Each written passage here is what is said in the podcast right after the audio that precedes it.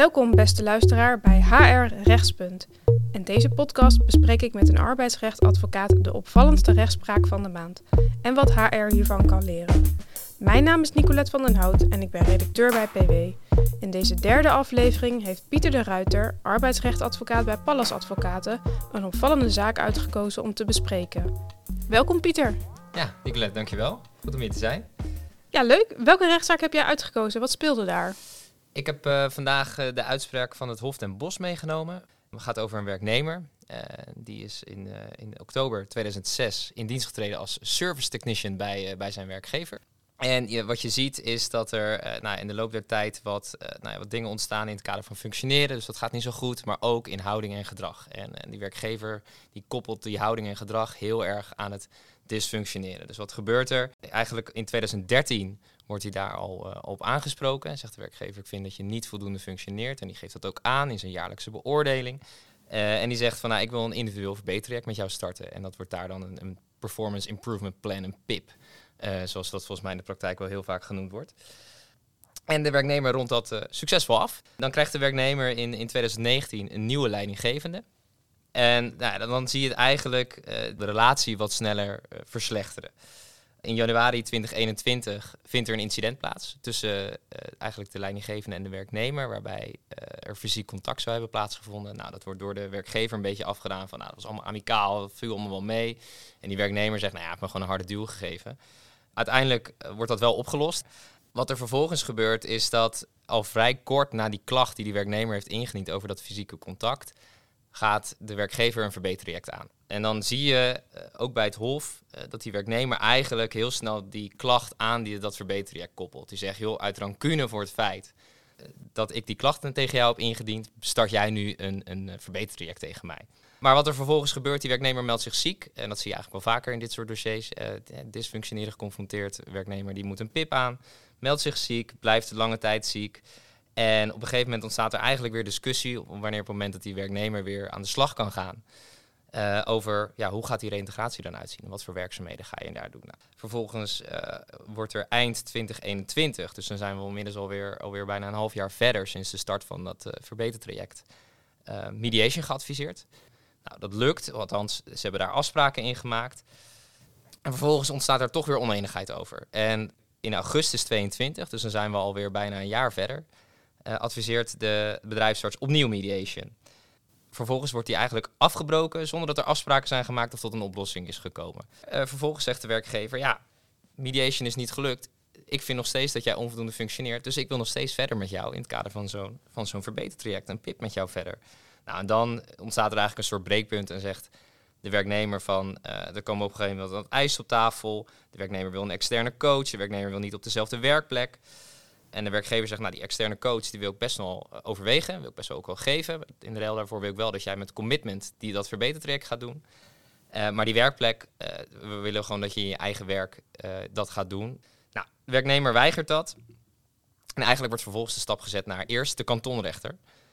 Nou, en dan even misschien ook goed voor, voor de tijdslijn. Dit is dan in november. Vervolgens gaan partijen naar de kantonrechter. De werkgever zegt: Ik wil die arbeidsovereenkomst ontbinden. Uh, eerste instantie op, op dysfunctioneren. Dan wel op basis van een verstoorde arbeidsrelatie. Dan wel op een combinatie ervan. Nou, wat doet de kantonrechter? Die zegt van, ja, ik, ik zie inderdaad dat dysfunctioneren. Ik vind dat het met name ziet op de houding en het gedrag en niet zozeer op de uit te voeren werkzaamheden. Dus inhoudelijk zou die werknemer het op zich nog best oké doen, maar het ziet met name op hoe hij zich gedraagt. En dan wordt die arbeidsovereenkomst ontbonden per 1 juli. Nou, die werknemer is het daar uh, niet mee eens, anders zitten we nu natuurlijk niet bij het Hof. Die gaat in beroep. En uh, je ziet het Hof zich heel erg de vraag stellen van... Ja, die werknemer is het hier niet mee eens. Uh, die vindt dat er dus geen sprake is van een grond voor ontslag. En dat het Hof dus dat gaat het opnieuw beoordelen. Die gaat inderdaad kijken van oké, okay, maar is er nou sprake van dysfunctioneren of is er nou sprake van een verstoorde arbeidsrelatie? En je ziet het Hof in die uitspraak, en dat zeggen ze ook gewoon letterlijk, uh, daaraan twijfelen. Waarom is dat belangrijk uh, om daar het verschil in te maken? Maakt dat uit voor de werknemer op welke grond dat is? Ik denk uiteindelijk niet, want de werkgever heeft dat ook aangegeven bij het Hof. Van, hè, ik wil gewoon dat er ontbonden wordt no matter what. Dus welke grond je dat doet, dat maakt niet zoveel uit. Maar het is er wel van belang dat je dat een hof gaat beoordelen op één grond. dus het is niet zo, uh, je hof kan een combinatie maken.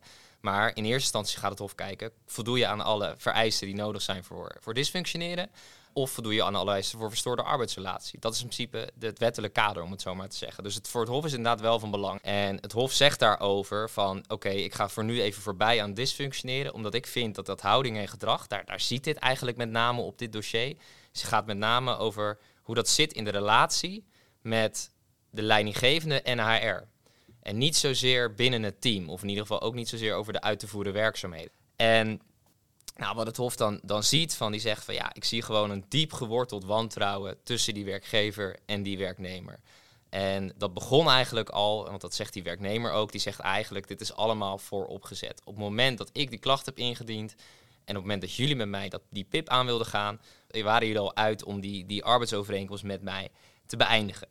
Nou, die, die werkgever probeert dat er vervolgens te weerleggen. En dat lukt in principe ook wel aardig. Die geeft er ook aan, van ja, dat is niet zo. Dat hebben we niet op die manier gewild. We hebben echt nog op zat momenten, ook tijdens de mediation, geprobeerd om, om dat te herstellen. En om duidelijk te maken dat het ons daar niet om gaat. Maar dat het ons gaat gewoon om, jou, om je houding en je gedrag. Hoe jij communiceert met jouw leidinggevende en met, en met HR. Eh, en heeft daar ook wel voorbeelden van. En uh, het Hof geeft ook aan, je ziet lopen, lopenderwijs zie je ook mailverkeer voorbij komen. Waarin gewoon uit blijkt dat wantrouwen, dat is er nog steeds bij die werknemer. En dat is, niet, eh, is gewoon niet hersteld. En vervolgens zegt het Hof, ja, de, de, directe aanleiding voor de werkgever om hier de stekker aan uit te trekken was om te zeggen van ja, we, we willen nog steeds willen dat functioneren gaan verbeteren. Toen heeft de werknemer dat geweigerd en het Hof zegt ja, de werkgever had alle reden om te mogen zeggen dat jij op je eigen werkplek dat deed. Met name omdat die leidinggevende, waar ook veel problemen mee waren, die was weg. En uh, dat de bedrijfsarts ook zei van je bent gewoon prima in staat om je eigen werk te doen op je eigen werkplek. Dus de werkgever had daaraan voorbij mogen gaan en die werknemer had dat niet zomaar mogen weigeren. Dus slotsom eigenlijk is dat het Hof zegt van, nou ja, oké, ik ga niet ontbinden op basis van dysfunctioneren. Ik doe het uiteindelijk wel op basis van verstoorde arbeidsrelatie. Dus die doet het op een andere grond dan een kantonrechter. Maar het resultaat is uiteindelijk hetzelfde, namelijk ontbinding van de arbeidsovereenkomst. Wat kan HR van deze zaak leren? Want deze zaak liep al best wel lang. Dit is best wel een dossier geworden met deze werknemer. Um, linksom of rechtsom, uh, ze hebben toch dat contract kunnen ontbinden. Dus wat kan HR hiervan leren? Nou, wat ik wel mooi vond aan deze uitspraken, ook mede de reden was om hem, om hem vandaag te bespreken, is wat je ziet in de praktijk, ook bij HR, is dat er veel het lastig is, en dat vind ik zelf ook lastig, en het Hof geeft zelfs aan dat ze dit lastig vinden, dat uh, bij veel werknemers zie je dat een probleem is in houding en gedrag. En het is dan lastig om dat te zeggen van ja, valt het nou onder het ontslaghokje dysfunctioneren of valt het nou onder de ontslaggrond van verstoorde arbeidsrelatie? En eh, dat vond ik dan wel mooi in deze uitspraak en wat Hof heel duidelijk zegt. Hè, die pelt dan die zaak zo af. En die zie je dan ook, ook zien van ja, oké, wat zijn dan de uit te voeren werkzaamheden? Waar zit precies nou het probleem met die houding en het gedrag? En hier ging het dan met name over van ja, de communicatie die jij hebt met jou, uh, eigenlijk met jouw leidinggevende, maar ook met HR en ook met eigenlijk de directie. En de werknemer zag je op een gegeven moment in mails niet alleen HR inkopiëren, maar gewoon ook directieleden en het bestuur, mensen die die in dagelijkse praktijk, eh, daar heeft hij niks, niks mee van doen.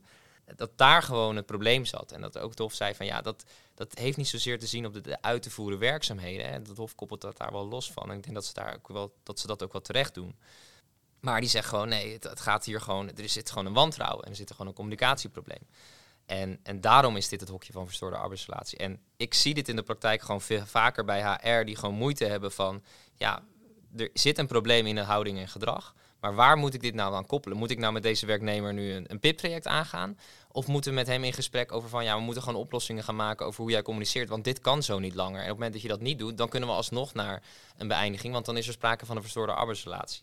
En daar zit denk ik hier met name de moeilijkheid in, maar ook de moeilijkheid voor, voor HR in het algemeen, dat ze daar dat dat ook gewoon lastig is. En dat je daardoor denk ik ook als HR kritisch moet zijn naar bijvoorbeeld de leidinggevende van waar, waar zit het probleem nu precies en zit dat nu echt in het functioneren? Want je kan je ook voorstellen dat iemand die, die bijvoorbeeld leidinggevende of manager is en die qua communicatie gewoon niet heel sterk is, ja, dan kan je zeggen, ja, maar voor het uitvoeren van jouw werk, voor het managen van jouw team, moet jij goed kunnen communiceren.